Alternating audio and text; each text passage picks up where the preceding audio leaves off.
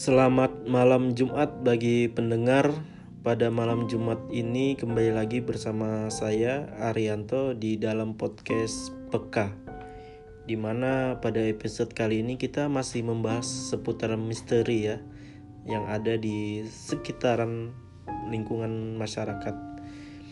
Mungkin pada malam Jumat ini saya tentunya nggak sendiri ya. Saya punya narasumber yang pada episode sebelumnya ya sudah ada ya untuk mengisi episode pertama ke Mas Jangkung. Oke, Mas Jangkung. Hai, selamat malam Mas Santo. Eh, malam Mas. Gimana kabarnya nih Mas? Ya, alhamdulillah luar biasa Mas Santo. Oke. Jadi pada episode sebelumnya kan kita membahas nih Mas tentang eh, mistis ya. Yaitu apa ya kemarin ya? Mungkin tentang pesugihan, Aku Sugian. hantu kuyang ya. Kuyang, hantu. Pengalaman pribadi Mas Jangkung juga. Jadi eh, banyak nih ternyata dapat respon positif nih Mas banyak yang mungkin penasaran bahwa eh, mistis yang tentang cerita-cerita Mas yang ceritakan itu benar adanya ya Iya. Dari pengalaman ya. Iya. Oke, pada malam Jumat ini Mas kita mungkin masih membahas tentang mistis Mas ya. Jadi eh, saya ada baca artikel nih mas tentang misteri kota gaib Saranjana yang ada di Kalimantan. Bu Saranjana. Iya benar. Jadi eh, mitosnya nih mas, mungkin mitosnya di masyarakat ada sebuah kota tapi nggak kelihatan gitu kota gaib yang ada di Pulau Kalimantan Selatan. Mungkin bagi mas yang notabene orang luar Kalimantan ya, orang Jawa ya, mungkin eh, belum pernah ya mendengar ya untuk kota Saranjana itu sendiri. Kalau Saranjana belum belum pernah denger sih. Belum pernah ya. Tapi bagus ya kotanya namanya Saranjana ya. si Saranjana. Ya kan? bagus kan? Saranjana. Nah, kan kota gaib Saranjana. Tapi menurut pendapat Mas sendiri sih untuk kota gaib itu benar nggak sih adanya? Kalau dibilang kita percaya, buktinya itu ada. Ada ya. Ada. Mm. Kalau aku bilang nggak percaya, tapi aku juga pernah ngalamin kayak gitu gitu loh. Oh, jadi juga pernah ada ngalamin, Mas. Ada ada pengalaman ya bukan kota sih, dia itu kayak pasar. Oke. Tahan dulu nih, Mas. Mungkin itu kita ceritakan nanti ya. Iya. Itu kayaknya seru nih pendengar. Hmm, pasar ya. Pasar kalau Yang kita tahu kan ada pasar tradisional, pasar modern ini pasar pasar hantu. pasar hantu ya. Mungkin yang dijualnya juga barang-barang hantu ya. Oke, tapi itu kita tahan dulu Mas ya. Jadi saya lanjutin nih untuk eh, kota Saranjana. Jadi Mas, kota Saranjana ini itu sudah melegenda nih di bagi masyarakat Kalimantan. Kalimantan, masyarakat Borneo. Nah, disebut juga lokasinya itu ada di sebuah bukit kecil, Mas, yang terletak di Desa Oka-Oka, Kecamatan Pulau Laut, Kelautan, Kalimantan Selatan. Oh, oka-oka ya. Ah, Oka-oka. ya desanya Desa Oka-Oka, Desa Oka-Oka, Mas. ya. Eh, eh, Kecamatan Tanah Laut di Kalimantan Selatan. Nah, jadi kita kan sekarang ada di Kalimantan Timur ya. Ya, Kalimantan Nah, Timur ini. ini di kota Saranjana ini sih legendanya ada di kota ke di Pulau Kalimantan Selatan atau Banjarmasin sih. Ya sekitar berapa? 6 6 jam lebih ya kalau dari sini. Dari sini ke sana, wah lebih mas. Pesawat. Oh, Kalau pakai pesawat kita harus ke Banjarbaru dulu. Hmm. Nah, ada lapangan terbangnya dari sana agak lebih jauh lagi sih, sekitar mungkin bisa sampai satu hari satu malam sih. Tapi untuk pesawat ya dua jam udah jam, nyampe ya. ke kota Banjarbaru atau Banjarmasin. Terus itu tadi? Tapi untuk di Kecamatan Pulau Kelautan ini itu di, bukan di kotanya mas, agak masih Masih pedalaman ibaratnya. Enggak. ke pedalaman sih, udah kota. Udah kota Eh, ya. tapi bukan di pusat kotanya. Banjarmasin kan kota, Pinggiran, nah, berarti, pinggiran, ya. pinggiran kota. Tapi masih kota. Oke kita lanjut mas ya. Nah eh, bukit itu bukitnya itu berbatasan langsung mas dengan laut. Nah ini mungkin indah banget ya, indah dan cocok dijadikan destinasi wisata. Hmm. Tapi bagi sebagian orang penduduk sekitar, tempat itu dianggap angker oleh penduduk sekitar mas karena legenda atau mitos, dari kota gaib itu sendiri. Penduduk kota baru menyebut pulau ini dihuni oleh banyak makhluk halus atau jin mas. Mereka membangun sebuah kota yang disebut Saranjana. Itulah kenapa penduduk di Saranjana itu dikenal sebagai kota gaib. Kota Saranjana ini benar-benar ada tapi hanya mereka yang terpilih memiliki kemampuan lebih saja yang bisa melihat kota tersebut. Jadi kayak orang yang ada mata batin Ah, sixten Wah, yang bisa disebut dengan sixten indra ke enam enam ya jadi orang-orang yang terpilih atau orang-orang yang memiliki indera keenam. Jadi istilahnya nggak sembarang orang sih ya. orang yang bisa Ah, melihat ah. itu ya adanya kota itu ya Benar. Jadi nggak kayak orang yang datang ke sana langsung, Langsung tahu, tahu, langsung melihat gitu. enggak. Jadi kayak orang yang dikasih kelebihan atau orang yang memang terpilih ya yang bisa melihat begitu. Nah, menurut warga sekitar juga banyak sih kejadian eh, yang dicer yang tidak dapat dicerna oleh nalar. Kayaknya yang mistis-mistis gitu ya, yang enggak nggak bisa diungkapkan oleh logika gitu Iya, ya nggak bisa nggak masuk ya. logika. Apalagi pada banyak wisatawan nih yang mengaku melihat aktivitas manusia di tengah-tengah gedung pencakar langit di kota Seranjana. Nah, Oh. Gedung pencakar langit, Mas.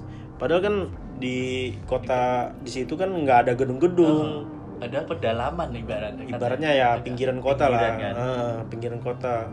Jadi kayak rumah-rumah biasa sih, nggak ada gedung-gedung pencakar langit kayak di kota besar Kota kayak besar. Jakarta, Balikpapan itu nggak seperti Ya, itu. seperti itu ya Tapi kenyataannya para wisatawan yang berwisata yang ke situ melihat kayak ada kota-kota pencakar langit kayak gitu. wisatawan bilangnya kayak gitu Iya, jadi wisatawan mungkin dia termasuk orang yang terpilih, ya Terpilih, untuk ah. melihat ya. jadi nggak semua orang kan yang bisa Enggak, lihat itu Nggak kan. semua orang. Hmm, Jadi itu. Terus itu lanjut ya. Seperti kota besar pada umumnya, kota Saranjana ini juga memiliki jalan yang lebar, gedung pencakar langit, dan kendaraan yang berlalu lalang. Jadi kayak kota gitu ya. Nggak bener-bener kota Bener-bener berarti kalau itu mah Iya sih. ada mobil kendaraan berlalu lalang jelas-jelas itu kayak kota emang kota besar Iya, sebenarnya kota besar ya. Polisinya ada nggak ya di sana? Mungkin ada polisinya juga ya. itu kota itu kena covid nggak ya kena lockdown nggak ya Mungkin. iya kan Kayaknya enggak deh. enggak ya Ya, Soalnya virusnya nggak bisa ngelihat mungkin juga. Atau kalau virusnya terpilih sih boleh Bisa ngelihat. ya. Bisa jadi sih. Kalau virusnya punya indera keenam. Oke oke oke. Nah, sama dengan halnya alam yang nyata kita huni nih Mas, alam yang benar-benar ada nih di peta. Penduduk eh, Saranjana juga memiliki mata pencaharian. Mayoritas penduduk di kota Saranjana bekerja sebagai petani. Nah, jadi kayak gimana? Ada aktivitas juga ya? Kayak aktivitas sama kayak kita sih kayaknya nih. Bertani, ada yang ibadah haji ke tanah suci. Oh. Jadi bisa kita simpulkan nih penduduk Saranjana ya Oh, muslim juga ya muslim oh. Kan kan jin itu kan ada jin muslim, Muslim, sama jin kafir ya. Oh, jadi eh, penduduk Saranjana ini bisa termasuk jin yang muslim sih. Sistem pemerintahan sendiri yaitu kerajaan. Oh, jadi Ya, mungkin kerajaan Islam kerajaan ya. Oh, mungkin kota Saranjana ini bisa disebut sebagai suatu kerajaan, kerajaan. kan dulu kan di daerah Kalimantan Timur kerajaannya kerajaan Islam kan ya? Iya, di sini Kalimantan Timur sih Kalimantan Timur kerajaan Kutai Kartanegara. Kartanegara kan Ya awalnya memang Hindu sih ya. Hindu uh, Awal masuk nggak kerajaan itu Hindu, terus ada ulama yang datang untuk mengislamkan. itu kan Nah, jadi rajanya itu Raja Mula Warman itu yang keberapa ya lupa juga sih. Udah Islam sih. Islam ya. Jadi eh, dulu sebutnya kota eh, Raja Kutai Kartanegara, Hmm. tapi karena udah Islam berubah Namanya. namanya, jadi Sultan, Kesultanan, Sultan ya, Kesultanan. Kesultanan Kutai Kartanegara sih. Oke, mungkin itu eh, kita lanjut lagi ya. Eh, masyarakat kota Saranjana itu memiliki bentuk fisik juga nih mas yang hampir sama dengan kita kita manusia ya maksudnya ya jadi eh, ya punya kaki punya tangan ya sama aja sih ya serta hmm, rumornya sih penduduk Saranjana itu cantik-cantik dan Wow. ganteng.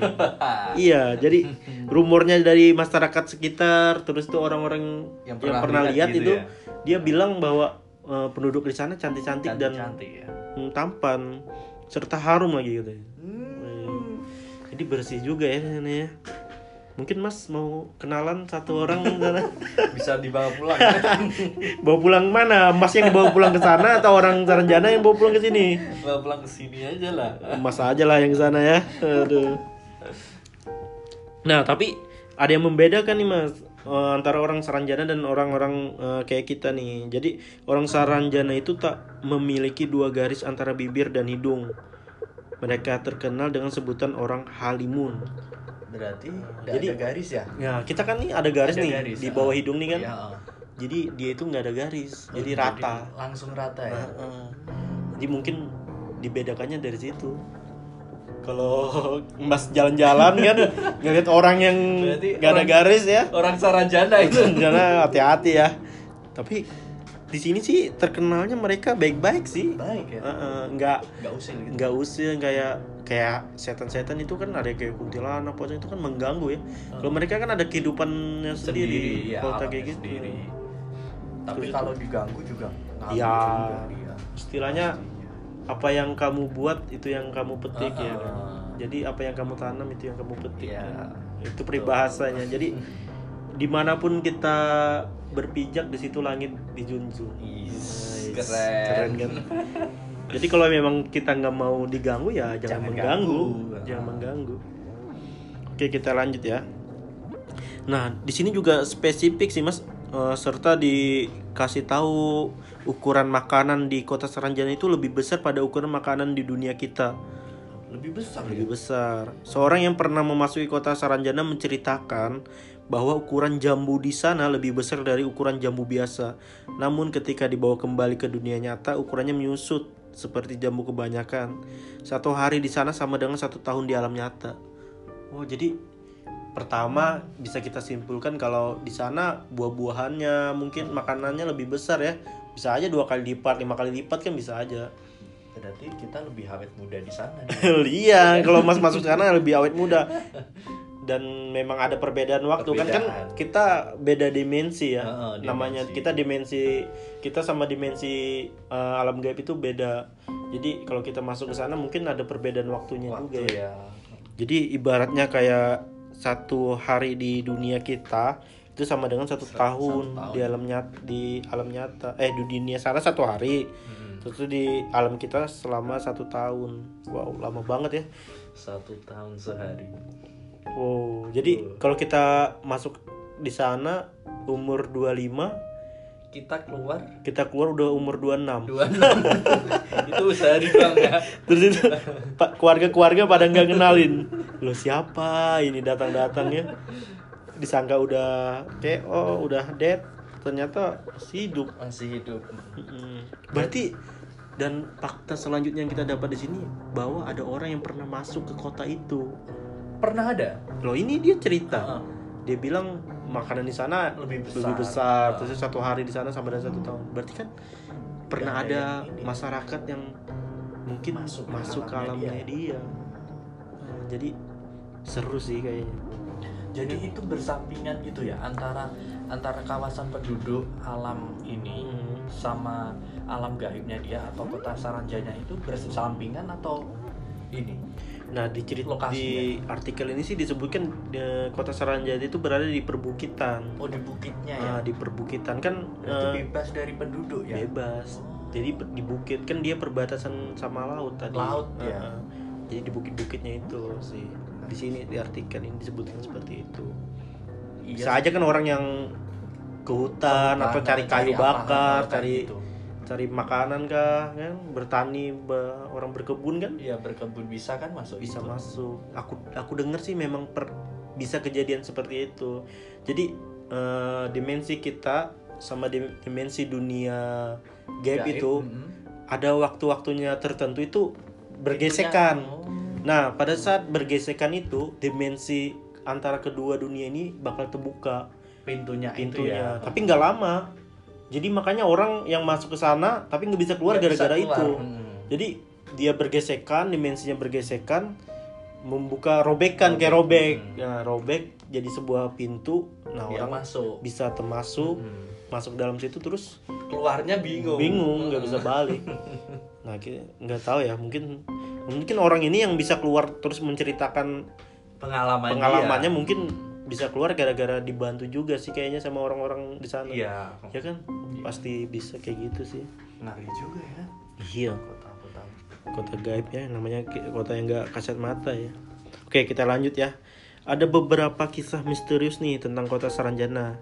Jadi eh, kita sebutkan nih kita ceritakan satu kisah ya bagi para pendengar pernah suatu ketika seorang warga kota baru hilang tanpa jejak wah jangan-jangan ini yang kita ceritakan tadi ya Iya, yang kita kira-kira ada orang yang masuk terus keluar bisa cerita. ini sih jadi konon katanya warga tersebut sengaja diambil oleh warga kota Saranjana untuk dijadikan imam. Hmm, Jadi orang pilihan mungkin orang dia. pilihan. Terus tuh orang ini juga orang yang ilmunya ilmunya heeh. tinggi gitu ya. Soalnya mau dijadikan imam di Iya, sana. betul. Berarti imam sholat kan Imam gitu. sholat. Imam sholat. Selain itu penduduk kota baru juga menceritakan adanya seorang nelayan yang hilang di tengah laut. Menurut kabar nelayan tersebut diselamatkan oleh warga kota Saranjana. Kabar tersebut diperkuat oleh kesaksian seorang muslimah yang mengatakan jika nelayan tersebut hidup bahagia di kota Saranjana. Beberapa warga juga mengaku sering mendengar suara musik dari arah pulau Saranjana. Nah, jadi ada beberapa kasus nih. Yang pertama ma- masyarakat sekitar yang diambil terus itu untuk dijadikan imam di sana. Terus itu ada juga nelayan eh, yang katanya sih tadi eh, yang menyelamatkan ya, menyelamatkan yang hilang di tengah laut. Jadi ibaratnya eh, orang-orang Saranjana ini orang-orang yang baik kan? baik. Orang baik berarti dia menolong gitu. Ke- kesannya kayak gini ya Gimana? kalau di sana itu kayak kalau dibilang tadi satu tahun Satu di sa- hari satu tahun di sini sama satu hari di sana. hari di sana. Heeh. itu kayak kayak cerita ini ya kayak surga ya dia ada buahnya yang besar Iya. ukurannya yang besar mungkin orang-orangnya juga lebih tinggi dari kita di sini Bisa jadi sih kan tadi udah dibilang juga ciri-ciri fisiknya ciri-ciri fisiknya kan. pri orangnya tampan-tampan, Tampan. cantik, terus itu harum. iya kayak cerita di sur cerita-cerita yang di ayat-ayat Iya. kan Nah, itu rahasia Allah Nah, ya, rahasia nah Allah. Memang kita diciptakan oleh Tuhan itu berbeda-beda ya. berbeda-beda Nggak cuma manusia, tapi orang makhluk-makhluk Makhluk. jin juga berbeda-beda ya. Ada yang baik, ada yang buruk. Sama sih kayak manusia, ada yang baik, ada yang Ada jahat yang- ya. Tapi semoga lah para pendengar kita semua eh, termasuk orang-orang yang baik dan orang-orang yang amin suka menolong. amin Oke, kita lanjut ya. Nah, di sini juga eh, kita menemukan fakta. Beberapa warga juga mengaku sering mendengar suara musik dari arah Pulau Saranjana. Jadi kayak di sana juga ada musik-musik ya. pesta Nah, kayak ada pesta ya. kayak gitu Konser-konser mungkin juga ada ya. untung Niji gak ditarik ke sana bisa jangan, bisa jadi sih Noah atau Ungu. Bisa pernah konser di sana? masa nggak tahu tapi berarti kehidupan di sana ya bisa kita bilang sama ya. Sama iya. Terbuktinya dia suka musik juga kan? Hmm, sih. Oke eh, kita lanjut ya. Diceritakan pul eh, ada sebuah pulau eh, ah oh salah. Ada pula ada sebuah perusahaan alat berat nih. Alat berat itu kayak gini mas. Eh, kayak traktor kayak doser yang Doser. yang ngeruk-ngeruk tanah itu yang batu bara. Pertambangan alat pertambangan nah minta pesanan yang dialamat ke kota Saranjana. Alat berat tersebut sudah dibayar lunas namun perusahaan tersebut mengalami kebingungan saat akan mengirim alat Mengirim. berat. Nah jadi perusahaan bingung nih mengirim alat beratnya ke mana. Soalnya kod eh, alamat yang ditujukan ke perusahaan tersebut adalah kota Saranjana sedangkan kota Saranjana itu tidak ada Nggak di ada berarti. peta Indonesia. Ngeri ya. Ngeri juga yang nganter itu ya. banget ya. Padahal padahal mereka udah dibayar lunas loh. Berarti ada transaksi uang. Jadi kayak mereka juga bisa membayar ya uang uang kita ya rupiah juga. Tapi dia kalau seumpama itu kan transfer kan Ada Iya ATM-nya juga berarti. Mungkin Iya, ya. bisa aja. Iya. ATM apa ya? ATM. Mandiri, BRI, BCA. Aduh. Iya Jangan kan logikanya. Iya sih. Jangan Mandiri Syariah lagi. Ada tellernya cantik juga pasti. Iya pasti kan katanya mau cantik cantik sih. Aduh. Jadi kota Saranjana tidak ada di peta nih. Selain alat berat, banyak juga yang menceritakan pengiriman puluhan mobil mewah dan rotan dari Surabaya. Nah jadi orang Surabaya juga perusahaan rotan sama perusahaan mobil mewah pernah juga ngirim. Ke situ. Jadi eh, eh, jadi ngirim, tapi nggak tahu nih pas didatangin sama eh, perusahaan tersebut ke kota itu Nggak. ditanyain nggak ada. Nggak ada. Kota Alamatnya. Saranjana, iya nggak ada Saranjana. Ngeri juga itu ya. Jadi eh, aku juga sih pernah denger sih yang eh, yang ngantar Albert nih pernah denger ceritanya. Jadi perusahaan Albertnya itu sendiri karena kebingungan nih. Hmm. Jadi dia nemuin wali kota kah atau bupati deh, bupati kota baru. Eh, jadi dia nemuin kota eh Wali bupati, kota. wali kota atau bupati saya agak lupa tapi ada. Jadi eh, salah satu pegawainya itu perusahaan Albert itu nanya ini. Kalau alamat itu. ke wali kota atau bupati di situ nanyain bahwa benar nggak kota Saranjana itu ada. Jadi kayak wali kota atau bupati tersebut ya senyum-senyum aja sih. Mungkin udah tahu. udah tahu kan? Udah udah, tahu. Senyum-senyum aja sih. Tapi ke- eh, kalau dia memang pesan alat-alat berat berarti dia ada membangun sesu- sesuatu kan Iya pastinya. ada pembangunan Diceritakan tadi aku dengar ada gedung yang ini tinggi kan. Mm-mm. jadi pencang- gedung-gedung pencangkar langit memang bisa sih jadi ibaratnya itu eh, benda-benda yang ada di dunia kita itu bisa aja dipindahkan ke Ke sana. ke sana ke dimensi Dimensinya dia. dimensi dia Heeh. bisa jadi kayak dengan sesuatu kekuatan dia Hmm. Dia bisa ngambil benda-benda. Mungkin dia pesan benda-benda itu buat diambil dia gitu kan. Terus itu juga ada yang pesan mobil mewah. Hmm. ya kan? Berarti mereka gunain mobil-mobil dari kita juga eh. Iya. wow. Pasti seru sih. Ini ceritanya memang seru ya kota gaib ini ya. Seranjana. Mungkin bagi para pendengar yang udah tahu nih udah tahu kota Saranjana mungkin udah nggak asing ya eh, tentang cerita-cerita ini. Karena cerita-cerita ini sih memang banyak diceritain. Tapi bagi pendengar yang belum pernah sekalipun mendengar cerita dan tahu kota Saranjana itu apa mungkin ini pengalaman kalian pertama yang bisa dibilang wow ternyata ada kota gaib yang kesibukan serta aktivitasnya sama sama kita. Kita. bener kan nah eh, kita lanjut ya. Nah memang sih eh, hal gaib ini sulit untuk dibuktikan dengan nalar kecuali kita sendiri yang melihat kan. Namun jika kamu beruntung bisa mengunjungi sih kota Saranjana. Jangan sampai makan makanan yang ada di sana. Jadi kita diwanti-wanti wanti-wanti jangan sampai makan makanan yang ada di kota Saranjana. Konon katanya kamu tak akan bisa kembali ke alam nyata setelah menyantap makanan di kota Saranjana. Serem ya. Wow, ngeri Iya kan? juga ya. Jadi kalau misalkan kita sebagai orang yang terpilih nih, Heeh. terpilih yang diizinin oleh mereka untuk masuk ke Masuk, kotanya, oh. Diceritain sih konon jangan sampai memakan makanan yang ada di sana. Jadi mungkin ditawarin juga sih ya. Eh ini makan makan yuk makan. Itu. Jangan jajan lah. Jangan jajan ya. Banyak mungkin jajanan di sana yang enak-enak soalnya kan disebutin buah-buahan di sana lebih besar. Makan makanannya mungkin ayam goreng KFC di sana juga. Besar-besar juga pahalnya. Jadi malah tertarik ya untuk makan ya. Nah, jadi para pendengar nih, mungkin para pendengar ada yang mau ke sana, terus itu terpilih menjadi eh, orang yang ingin diambil dia, mau yang boleh dibolehin masuk ke kotanya ya saran kami sih, kalau memang masih betah di alam kita, jangan makan makanan yang ada di sana. Tapi kalau memang betah di alam sana ya makan aja sih. Oh, di sana katanya fasilitasnya lengkap, ya kan? Ada gedung-gedung pencakar langit, wanita, laki-lakinya tampan dan cantik-cantik, orang harum-harum. Tapi ngeri juga sih kalau Iya. kalau beneran kita bisa masuk ke sana setahun kita gak ketemu keluarga kan eh, ngeri Ya, juga ya. terlupakan. Heeh.